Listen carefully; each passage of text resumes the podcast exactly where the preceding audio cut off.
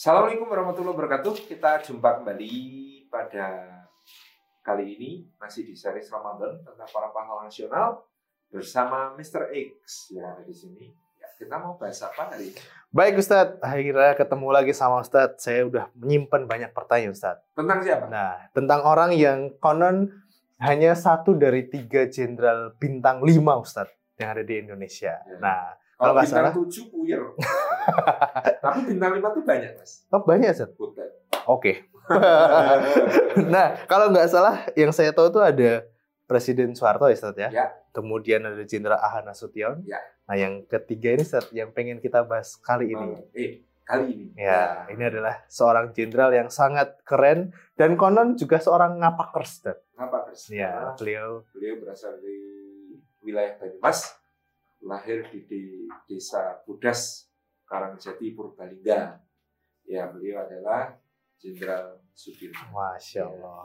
Jadi Jenderal Besar berbintang 5 ini ditetapkan tahun 97 oleh Presiden Soeharto pada saat itu dan hanya ada tiga orang yang Di Indonesia ya? sebagai Jenderal Besar berbintang 5 yaitu Sudirman, kemudian Jenderal Abdul Haris Nasution dan beliau sendiri Pak Harto. Bintang ini itu di dunia nggak banyak ya tapi kononnya. Eh, rata-rata memang di negara-negara besar ada yang dianugerahi extraordinary bintang 5 karena pada umumnya di mana-mana jenderal itu sampai bintang 4 saja Oke. secara pangkat reguler ya. Nah, Jenderal Sudirman ini memang istimewa. Beliau dilahirkan pada tahun 1916 di tengah sebuah keluarga yang sangat sederhana. Bapak namanya Karsit Kartowiraji, ibunya namanya Busiem. Ya, kemudian pada saat itu karena keadaan yang sangat berat secara ekonomi di tengah keluarganya, kemudian uh, Pak Dirman kecil ini dititipkan kepada pamannya. Oke. Ya, Semacam pamannya diadopsi ya paman ya. ipar ya, karena itu dari bibinya saudari ibunya. Busiem ini punya saudari namanya Butarsem. Mm-mm. Butarsem ini menikah dengan seorang camat namanya Raden Cokro Sunaryo. Oke. Nah, maka kemudian Pak Dirman dititipkan di keluarga Cokro Sunaryo. Oleh karena itu, waktu kecil Pak Dirman dikenal sebagai Den Dirman, Raden Sudirman. Karena dia juga nggak dikasih tahu bahwa Pak Cokro Sunario itu sebenarnya Bukan. hanya paman. Oh, bukan naik kandung ya, kandung. Karena Oh. kandungnya itu kira-kira wafat eh, ketika Sudirman usia 6 tahun. Ya, Eh, dia punya adik namanya Muhammad Samingan. Tapi kedua anak ini masing-masing dititipkan di keluarga lain. Karena Hmm. memang ibunya kemudian dalam keadaan yang sangat miskin, kemudian pulang ke Aji Barang. Wilayah asalnya di Aji Barang. Sementara Sudirman kecil, kemudian setelah pamannya Cokro Sunario pensiun sebagai seorang camat, kemudian pulang ke Cilacap dan banyak menghabiskan waktu masa mudanya di wilayah Cilacap. Masya Allah. Nah, jadi Pak Dirman ini sejak kecil konon pinter. Di beliau sekolah semula di sekolah taman siswa. Oke. Tapi sekolah taman siswanya itu dibubarkan oleh Belanda dengan ordonansi sekolah liar. Jadi waktu itu ada namanya ordonansi sekolah liar yaitu eh, peraturan perundangan yang dikeluarkan pemerintah kolonial untuk membasmi sekolah-sekolah yang didirikan kaum pribumi. Karena dikhawatirkan Ya, melahirkan pejuang-pejuang ya. Dalam tanda kutip radikalisme melawan pemerintah, sehingga hanya sekolah yang diakui oleh pemerintah kolonial Belanda yang boleh berdiri. Sehingga Sudirman ketika itu pindah dari sekolah taman siswa yang terkena ordonansi sekolah liar untuk masuk ke sekolah Wirotomo. Nah, Wirotomo ini organisasi lokal yang bisa mendirikan sekolah-sekolah dan memiliki hubungan baik dengan pejabat Belanda sehingga sekolahnya tetap diakui. Oh, oke. Tetapi yang menarik di Wirotomo, ya akhirnya nanti bergabunglah para guru dari Taman Siswa, dari Budi Utomo, bahkan sebagian dari Muhammadiyah yang kemudian gabung di situ ngajar. Akhirnya di situ menjadi bibit-bibit nasionalisme yang juga Masya sangat subur, termasuk kepada Pak Dirman. Pak Dirman itu konon bodohnya cuma di satu pelajaran, Apa itu? nulis Jawa. Berarti hampir di bidang lain semuanya extraordinary tapi. matematika pinter, ya bahasa Belanda pinter, kemudian apa namanya bahasa Melayu, ya, Hmm. ilmu ukur, eh, ilmu hitung, ya tentang ilmu alam itu beliau sangat menguasai. Maka sama kawan-kawannya sudah dipanggil Mas Guru. Dan Oke. kemudian karena saking eh, semangatnya untuk juga belajar keagamaan, Pak Dirman itu bergabung dengan pemuda Muhammadiyah. Oh, Oke. Ya, pemuda Muhammadiyah, beliau jadi aktivis, ya, mana-mana bergerak. Pemuda Muhammadiyah zaman itu itu ya pergerakannya luar biasa. Dari kampung ke kampung, bikin majelis taklim, bikin pembinaan, kegiatan kepemudaan, peringatan Hari Besar Islam, macam-macam dan ya waktu itu harus sudah berhadapan dengan penjajah. Dan Pak Dirman ini di pemuda Muhammadiyah dipanggil Mas Haji.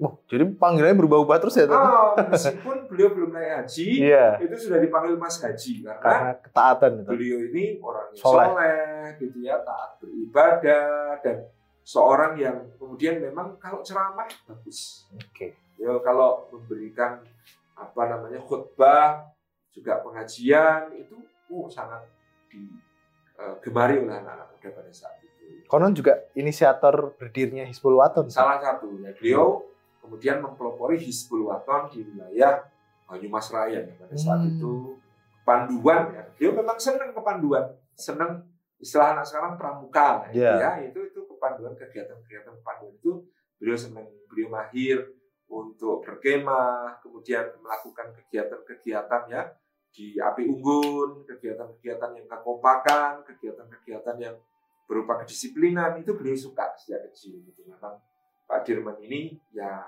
memang ada mental militernya ya sejak kecil artinya dan dekat ya dengan kepanduan disiplin macam-macam itu. Nah beliau pernah memimpin kemah Hizbul Waton di eh, daerah Banjarnegara itu di daerah Batur di pegunungan mas di lereng gunung yang sangat tinggi dan sejuk. Yang terkenal sekarang ada namanya Domba Batur ya. Oh, oke. Dan daerah Batur ini menjadi daerah pusat Muhammadiyah di sana. Dari tahun 1920-an itu sudah jadi pusat Muhammadiyah dan konon Pak Dirman itu kemah di Batur sekitar tahun 1935.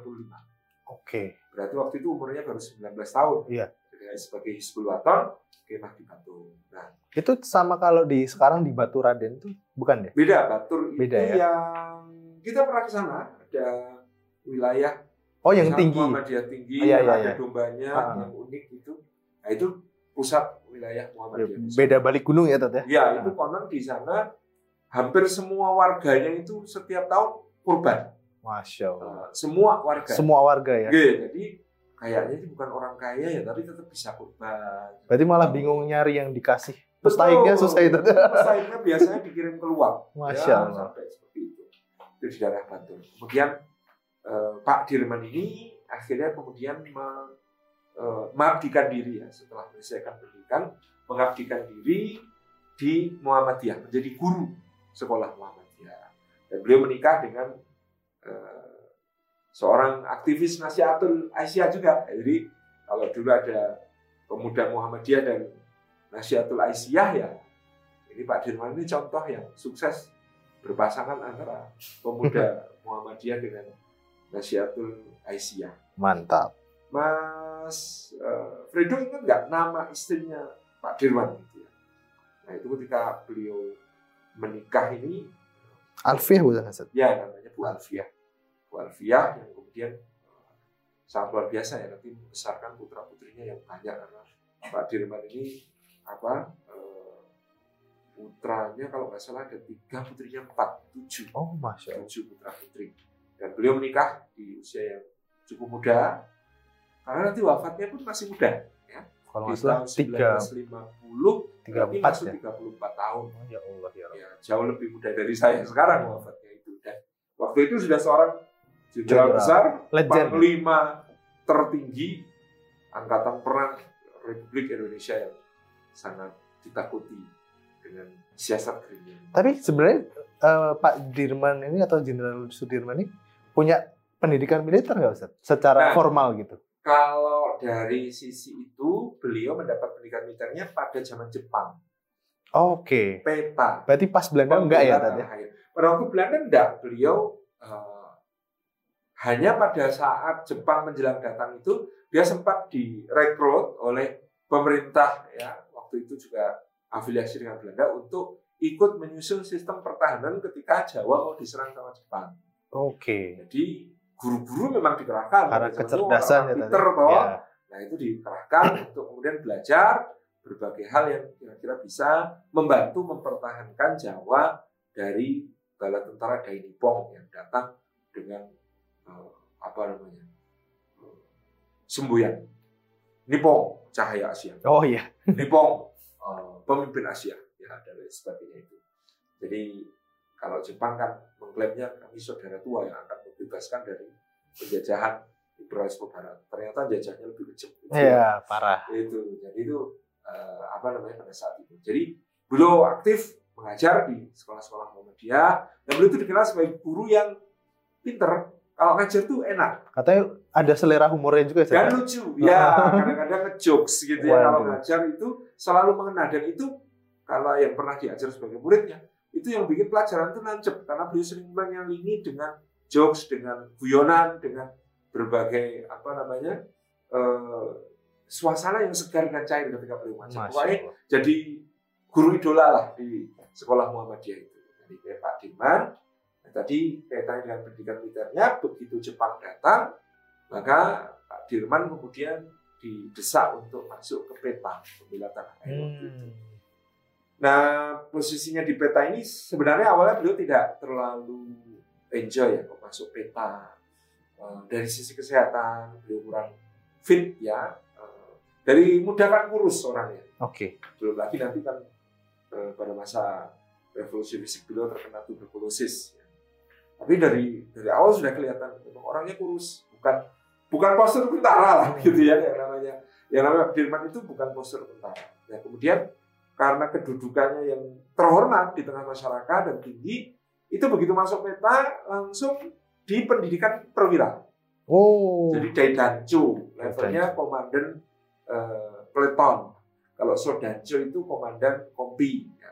Level-level zaman itu yang komandan peleton itu Dedanjo itu ya yang kita kenal-kenal sebagai kemudian pahlawan kayak Supriyadi, oh. kemudian uh, Soeharto, Pak Harto bahkan dari Sodanjo dulu baru ke Dedanjo. Tapi Pak Harto sudah bergabung dengan Kril sebelumnya. Yeah. Demikian pula uh, Pak Abdul Aziz Nasution itu juga dari Kril.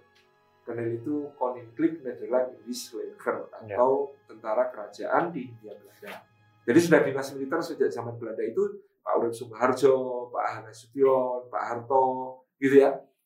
Pada waktu pendidikan di eh, peta itu di Bogor, pusat untuk pendidikan perwira peta itu di Bogor. Maka Pak Dirman kenalan dengan banyak eh, perwira-perwira peta yang lain, termasuk dengan Pak Supriyadi, termasuk dengan Pak Kusairi. Ya, Pak Kusairi ini nanti ada cerita lucunya. Ya, di akhir masa ketika terdengar sudah terdengar kekalahan Jepang yaitu pemboman Hiroshima dan Nagasaki, Pak Kusairi selaku Daidajo ini melakukan pemberontakan. Seperti Pak Supriyadi di Blitar, hmm. Pak Kusairi ini juga melakukan pemberontakan. Maka justru Pak Dirman yang kemudian e, menjadi penengah antara tentara Jepang dengan Pak Kusairi. Menarik ya. Pak Dirman bilang kepada Jepang, ini teman-teman saya semua, mereka memberontak karena tahu kalian itu udah kalah. Sebaiknya kalian akui saja kalau kalian kalah, kata Pak Dirman. Dan nanti saya akan redakan mereka. Mereka nggak akan memberontak, nggak akan menyulitkan kalian lagi. Syaratnya satu, mereka nanti kalau kemudian nyerah, kalau kemudian menghentikan pemberontakan ini, jangan dibunuh, jangan dihukum, diampuni, dan markas mereka jangan dihancurkan. Hmm. Tentara Jepang waktu itu kan sudah sebenarnya bingung mau ngapain. Ya, mau melawan Kusairi CS ini nggak bisa habisin energi dan nggak bisa habisin sumber daya. Yeah. Sementara negaranya sudah aut-autan. Jadi tentara Jepang itu moralnya sudah jatuh. Mikirin apalagi yang asalnya dari Hiroshima Nagasaki mikirin keluarga kan. Yeah. Keluarganya kayak apa di sana. Apalagi Tokyo juga waktu itu ada pemboman di mana-mana. Terus keluarga Jadi mentalnya pasukan Jepang itu sudah jatuh. Itu dikatakan oleh Sudirman. Pokoknya jangan ditindak semua yang berontak ini kita damai-damai. Akhirnya benar damai itu ya. Jadi, waktu itu Pak Dirman dipuji oleh para pemimpin militer Jepang. Wah ini orang hebat nih bisa mendamaikan antara kita dengan uh, komandan peta yang kemudian memberontak. Nah, cuman ada juga yang mengkritik. Tapi Sudirman ini pro kemerdekaan Indonesia. Dia itu bisa begini karena dia tahu berita-beritanya bahwa kita ini sudah kalah. Jadi dia akan mendukung kemerdekaan. Ya sudah, Gimana lagi kan kita juga sudah pernah janji yeah. untuk memberi kemerdekaan kepada Indonesia atau Republik Jepang Memang ahli diplomasi ya, Tat? ya? Oh, Pak Dirman sebenarnya dia tahu tentang diplomasi. Tetapi itulah juga yang membuat nanti dia banyak kecewa kepada pemimpin republik dalam soal diplomasi. Hmm. Diplomasi kok lembek kayak begitu. Diplomasi itu ya ada nilai tawar, ada yang kemudian take and give. Kamu berani ngasih apa, saya nerima apa, saya mau ngasih apa, kan itu. Iya. Tapi dari pengalaman Pak Dirman nanti dalam perjanjian Linggajati ke perjanjian Renville, Indonesia itu pokoknya kayak main, ya udah wes tanda tangan yuk gitu ya daripada kita diserang gitu ya. Sehingga tidak ada nilai tawar. Itu yang nanti akan sangat membuat Pak Dirman kecewa. Nah, pasca kemerdekaan waktu itu Bung Karno mengumumkan eh, Menteri Keamanan Rakyat dijabat oleh Pak Supriyadi. Hmm. Tapi dicari-cari Pak Supriyadi itu nggak muncul-muncul. Karena masih memimpin pemberontakan. Pemimpin Purwokerto atau ada isu bahwa beliau sudah terbunuh. Beliau Oh. sudah dibunuh Jepang. Beliau sudah dibunuh Jepang. Padahal waktu itu kisah kepahlawanan Pak Supriyadi memimpin pemberontakan peta di Blitar itu kan legend. Iya. Legendnya semua peta itu Supriyadi. Nah, makanya sama Bung Karno diminta untuk menjadi Menteri Keamanan Rakyat. Yang akhirnya kemudian dari Kementerian Keamanan Rakyat ini nanti akan membentuk Tentara TKR. Keamanan Rakyat. TKR. Ketika dibentuk TKR, kemudian terlibat ya yang sudah berpengalaman jadi tentara. Bung Karno merekrut Pak Urip, Pak Urip Sumoharjo ini bahkan sudah jadi tentara sebelum Pak Dirman lahir. Oh, perwira yang sangat senior, dikenal, Legend itu. kemudian legend, dikenal. Pak Urip Sumoharjo. Kemudian ya eh, ada Pak Istiman, Pak Harto, kemudian Pak Abdul Haris Nasution, Pak eh, Tahibun Simatupang, ya, Pak Wilayah Tagalung, macam-macam itu dikumpulkan. Jadilah kemudian dari laskar-laskar menjadi tentara keamanan rakyat dengan berintikan tentara keamanan rakyat itu para ex-kenil dan ex-peta. Hmm. Nah, ex-kenil dan ex-peta ini yang kemudian menjadi eh, kekuatan inti di dalam tentara keamanan rakyat. Waktu itu kemudian di Yogyakarta diselenggarakan Kongres Keamanan Rakyat untuk milih Panglima TKR, Panglima Tentara Keamanan Rakyat. Begitu pemilihan ternyata mengerucut pada dua orang calonnya itu. Sudirman, Urip Sumoharjo. Hmm. Pak Dirman waktu itu lagi nggak di tempat. Ketika pemilihan Pak Dirman 22 suara, Pak Urip 21 suara. Dan itu mepet sekali. Iya. Pak Urip ini perwira senior dihormati dan eh, sangat apa namanya eh, Tentara Ya. banget ya, Tat, ya. pendidikan militernya mumpuni lah, dia pinter segala hal tentang militer. Kemudian Pak Dirman ini dianggap sebagai perwakilan Islam karena Pak Urip kan Muslim. Hmm. Nah, seluruh perwira ex peta maupun ex kenil dari Sumatera milih Pak Dirman. Jadi Pak Dirman itu pendukung utamanya malah Dari Sumatera. dari Sumatera karena yang muslim-muslim waktu itu kebanyakan. Kalau yang Jawa karena kenalnya Pak Urip itu memang senior gitu ya, Ya. maka dipilih. Nah, begitu terpilih Pak Dirman datang. Sudah selesai pemilihan ada hitung-hitungan di papan tulis. Sudirman 22 suara, Urip Sumoharjo 21 suara. Wih, kata Pak Dirman kok saya? Pokoknya ini sudah pemilihan. Ya, jenengan tidak boleh protes. Gitu ya. Jangan, jangan, jangan, kata Pak Dirman. Saya lebih baik mengundurkan diri. Silahkan lakukan pemilihan ulang atau Pak Urip yang pimpin. Pak Urip bilang nggak bisa begitu. Saya mengaku Anda lebih layak untuk mimpin Pak Dirman. Loh, kenapa Pak Urip? Karena ini mungkin teman-teman melihat saya itu ex-kenil, bekas tentara kerajaan Belanda. Oh, masih ada. Mosok bekas tentara kerajaan Belanda jadi panglima tentara apa namanya Republik Indonesia yang merdeka. Nanti kalau ngelawan Belanda saya ngelawan guru-guru saya gitu. itu bijaksananya Pak Urip Sumarjo waktu itu. Jadi makanya kemudian ditampilkan Pak Dirman saja Pak Dirman gitu ya. Tapi Pak Dirman bilang saya mau menerima asalkan Pak Urip mau jadi staf saya. Kepala Staf Umum Tentara Keamanan Rakyat. Saya tidak punya pengalaman untuk ngurusin serba-serbi ketentaraan, apalagi mikirkan soal logistik, mikirkan soal kemudian eh, kepangkatan, administrasi, macam-macam itu saya buta, kata Pak Dirman mengakui. Jadi saya minta tolong Pak Urip untuk backup. Maka Pak Urip menyetujui menjadi Kepala Staf Umum TKR. Pak Dirman sebagai Panglima Besar. Tapi belum dilantik sama pemerintah. Ini baru usulan dari tentara. Bung Karno waktu itu ragu. Bisa nggak ya? Dirman. Guru. Dia punya pengalaman militer apa? Kita angkat jadi panglima besar itu. Ah, nanti kita ditertawakan di tingkat dunia, kata Bung Karno. Jadi Bung Karno sangat ragu dengan Pak Dirman waktu itu. Apalagi Pak Dirman umurnya baru Tiga. 45 dikurangi 16.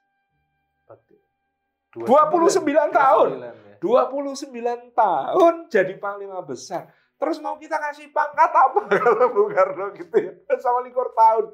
Dan tidak ada latar belakang pendidikan militer kecuali di sekolah Peta. perwira peta. Dai dan Peta. Waduh, Bung Karno itu ragu sekali.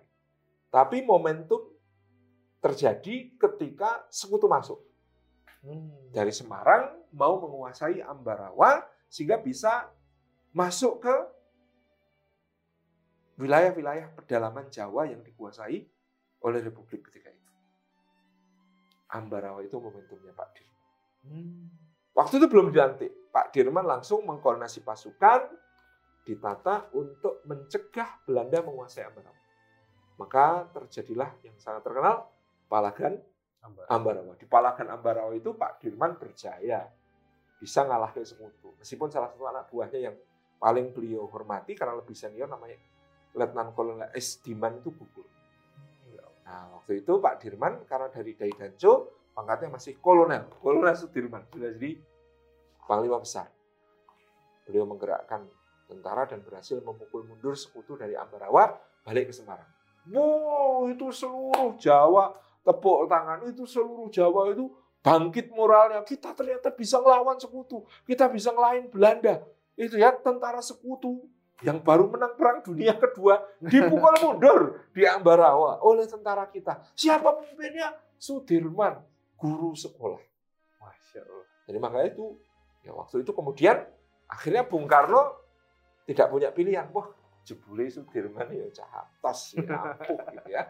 Akhirnya kemudian Pak Dirman dilantik sebagai panglima besar dengan pangkat jenderal.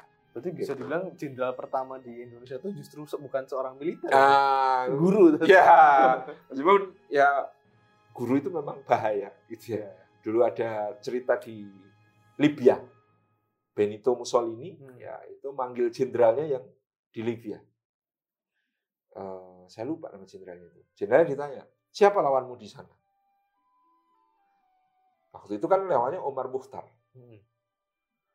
Dan Umar Mukhtar itu guru madrasah. Jadi, ah, jenderalnya namanya Rodolfo Graziani. Jenderal Rodolfo Graziani ini lapor sama Benito Mussolini. Saya di sana cuma menghadapi seorang guru yang gerilya sama murid-muridnya. Benito Mussolini sudah nggak enak perasaannya terus ngomong hati-hati kamu. Kalau dia guru, kamu yang akan dijadikan murid, kamu yang diajar sama dia gitu.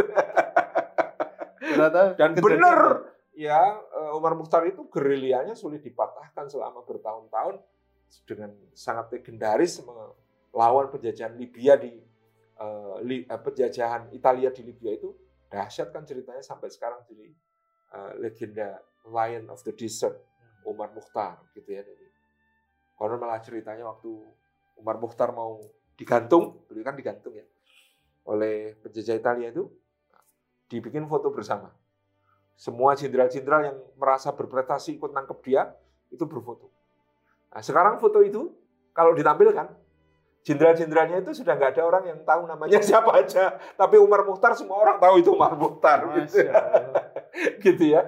Jadi eh, mereka mencoba untuk me- membunuh Umar Mukhtar dan menghilangkannya dari catatan sejarah ternyata justru Umar Mukhtar yang kemudian eh, melegenda sementara yang nangkep nggak ada yang kenal lagi.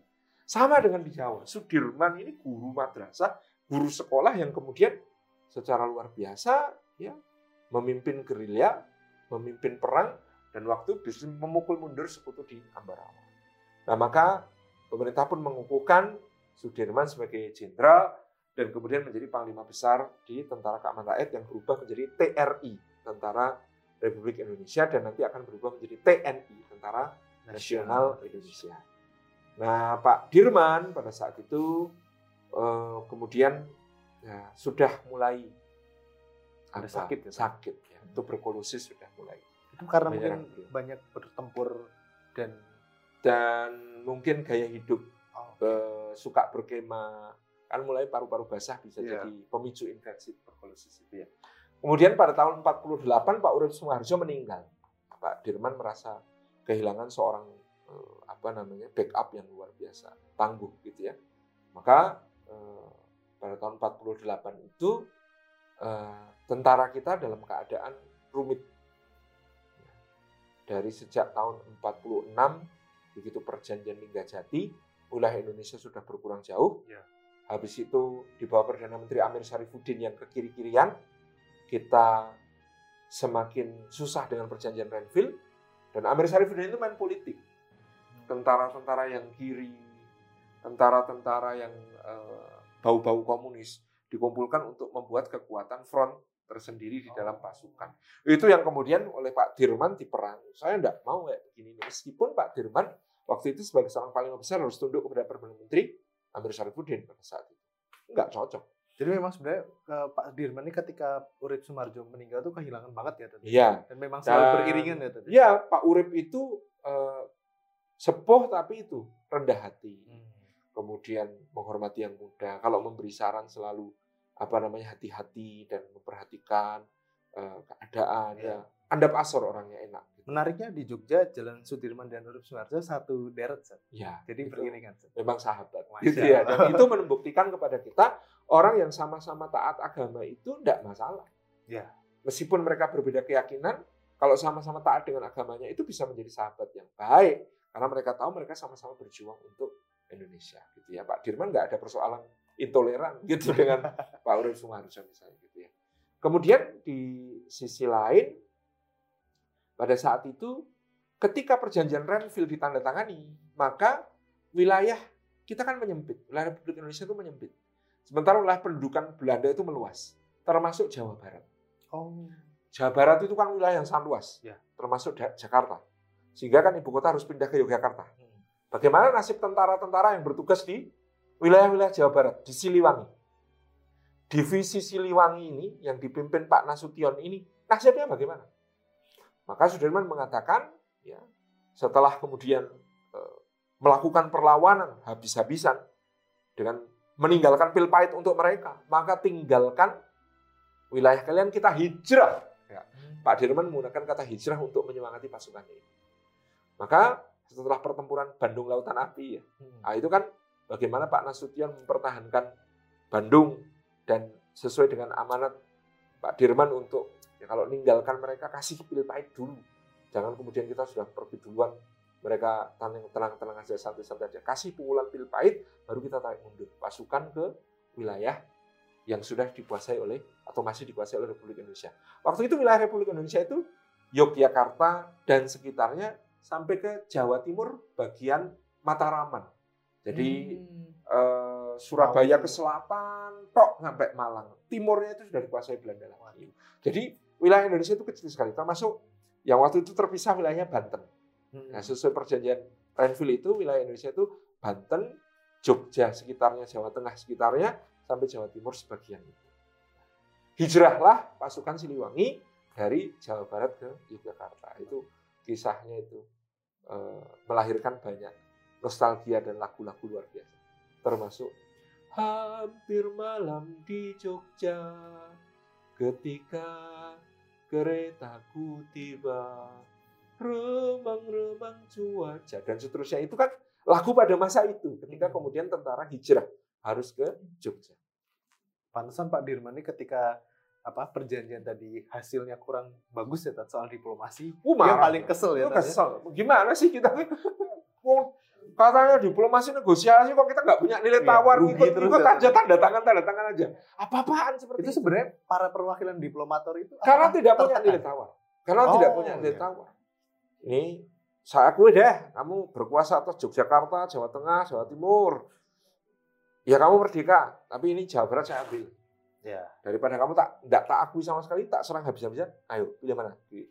Jadi kayak begitu Ya, ya. masalahnya. Nah maka Pak Dirman nanti sangat-sangat kemudian adalah pendukung teori yang namanya diplomasi di meja perundingan itu harus didukung oleh kekuatan militer yang bergerak terus itu teorinya Pak Dirman makanya kemudian pada bulan Desember 1948 terjadi agresi militer Kedua. kedua Belanda di Yogyakarta maka ketika itu Bung Karno, Bung Hatta, eh, Pak Agus Salim dan lain sebagainya itu ditangkap di istana Gedung Agung.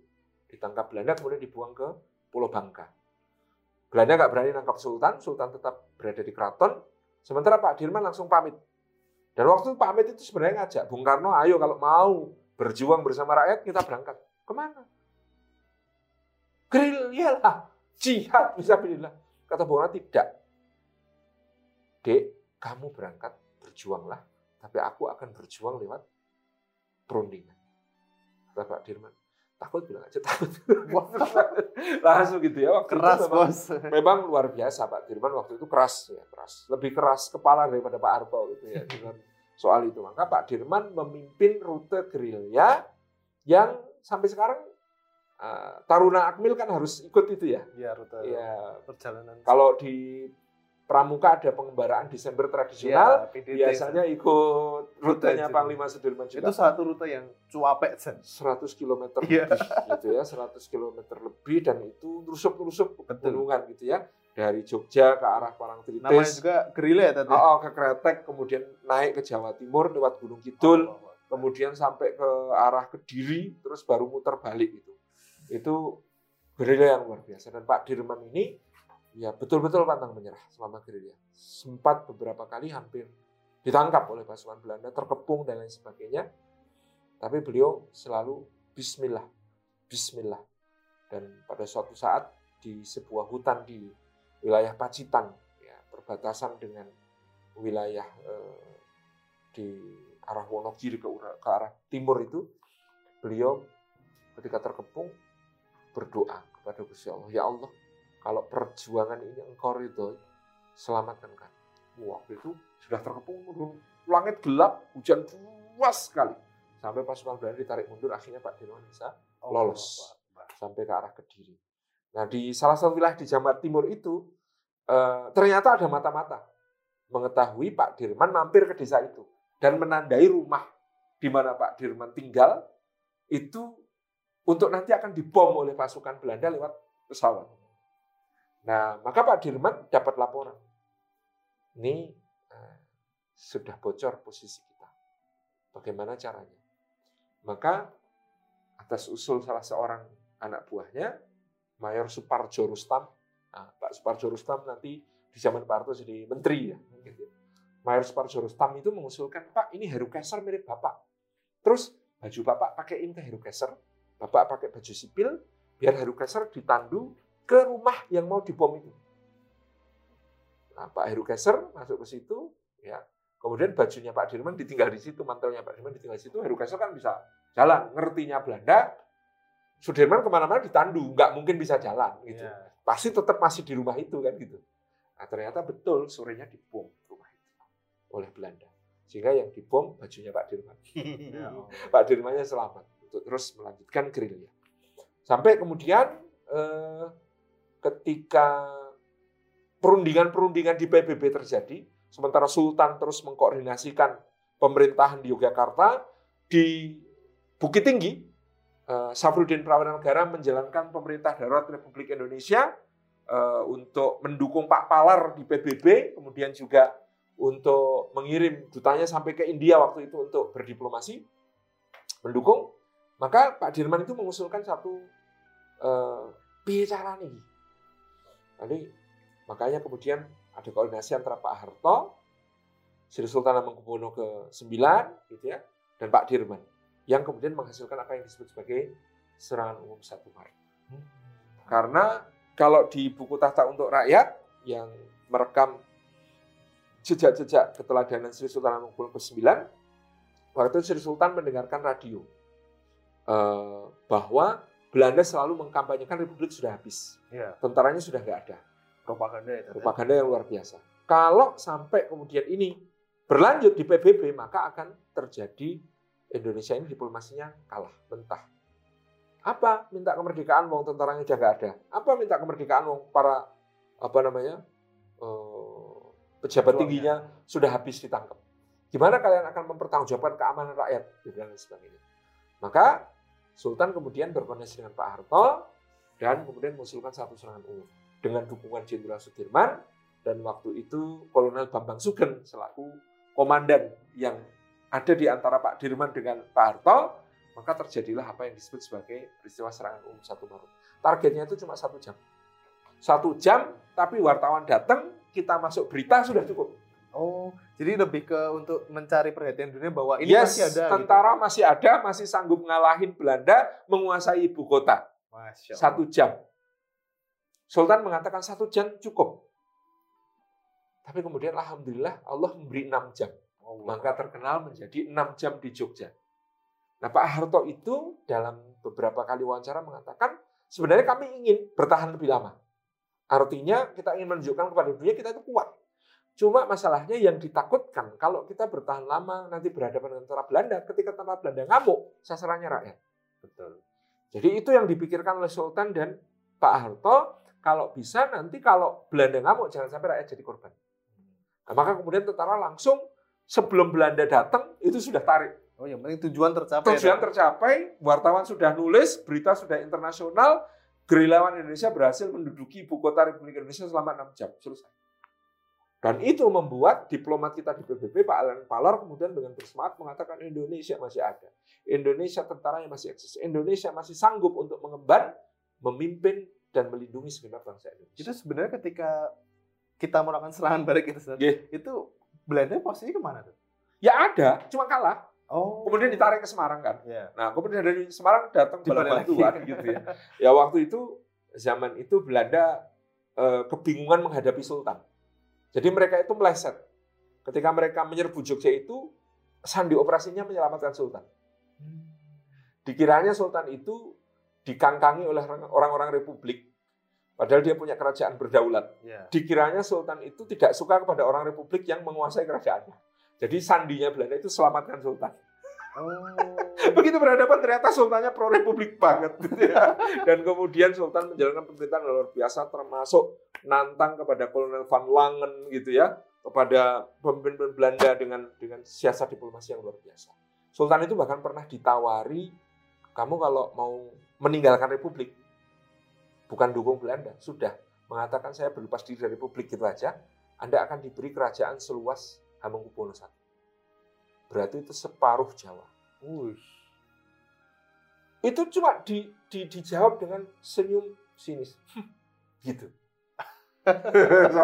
itu pesan yang Nah, mengerikan. terus ditingkatkan sama waktu itu eh, apa namanya Van Mook kan, ya menteri yang bertanggung jawab atas tanah jajahan India Belanda itu Van Mook. Van Mook bilang tingkatkan tawaran kepada dia. Kita akan berikan untuk dia wilayah seluas Sultan Agung nenek moyangnya juga. Berarti seluruh Jawa dan Madura, kecuali Banten dan Batavia, ditambah Palembang, Jambi, Sukadana, Banjar. Apa jawaban Sultan? nah itu gitu aja. Gitu lagi. Jadi dia sudah Belanda frustasi kepada Sultan. Dan jadi waktu itu begitu. Nah, Pak Dirman dilapori dengan itu sangat apresiatif kepada apa yang dilakukan oleh Pak Harto dan serangan umum 1 Maret yang luar biasa. Sampai akhirnya kemudian perlindungan-perlindungan tetap berjalan dan Pak Dirman diminta untuk kondur ke Jogja itu berulang kali nggak mau. Saya teruskan gerilya, saya teruskan gerilya. Pak sudah damai sekarang perjanjian uh, Rumroyen sudah ditandatangani. Memangnya Belanda akan menutup perjanjian. Linggajati saja dari agresi Ya. militer pertama. Karena beberapa kali Kemudian ya, ya. Apa namanya? uh, Renville ada agresi militer kedua. Gimana kita? Enggak, saya akan tetap bertahan seperti ini. Pak ini, Pak Bung Karno minta enggak. Sampai kemudian datang satu surat misterius yang kemudian meminta Pak Dirman mundur. Kemungkinan besar surat itu dari Sri Sultan Habis. meminta beliau untuk mundur. Karena yang minta Sri Sultan beliau mundur. Masya Akhirnya pulang ke Jogja, disambut upacara militer besaran, dan begitu menjelang KMB itu, Pak Dirman ngajak Bung Karno lagi, Pak besok kalau ada apa-apa kita gerilya lagi. Dek sudah cukup, dek kamu harus istirahat. Akhirnya kemudian Pak Dirman memang kesehatannya makin buruk, waktu itu paru-parunya yang berfungsi tinggal satu. Ya Allah. Dan kemudian beliau dirawat di Panti Ratpeh berulang kali sampai kemudian harus tertirah di Magelang untuk mencari udara yang lebih baik dan akhirnya wafat tahun 1990. Allah Akbar. 34 tahun panglima besar di sebuah negara besar dan mengukirkan sejarah ya, memukul Belanda yang didukung oleh kekuatan sekutu. Dan beliau adalah seorang guru. Guru dan seorang putra rakyat biasa, kecil. Keren Pak Dirman dan kayaknya kita jadi lama ya cerita tentang Pak Dirman ya luar biasa. Terima kasih teman-teman sudah menyimak cerita tentang Pak Dirman. Kita insya Allah lanjut dengan cerita-cerita berikutnya tentang para pahlawan kita. Assalamualaikum warahmatullahi wabarakatuh. Waalaikumsalam.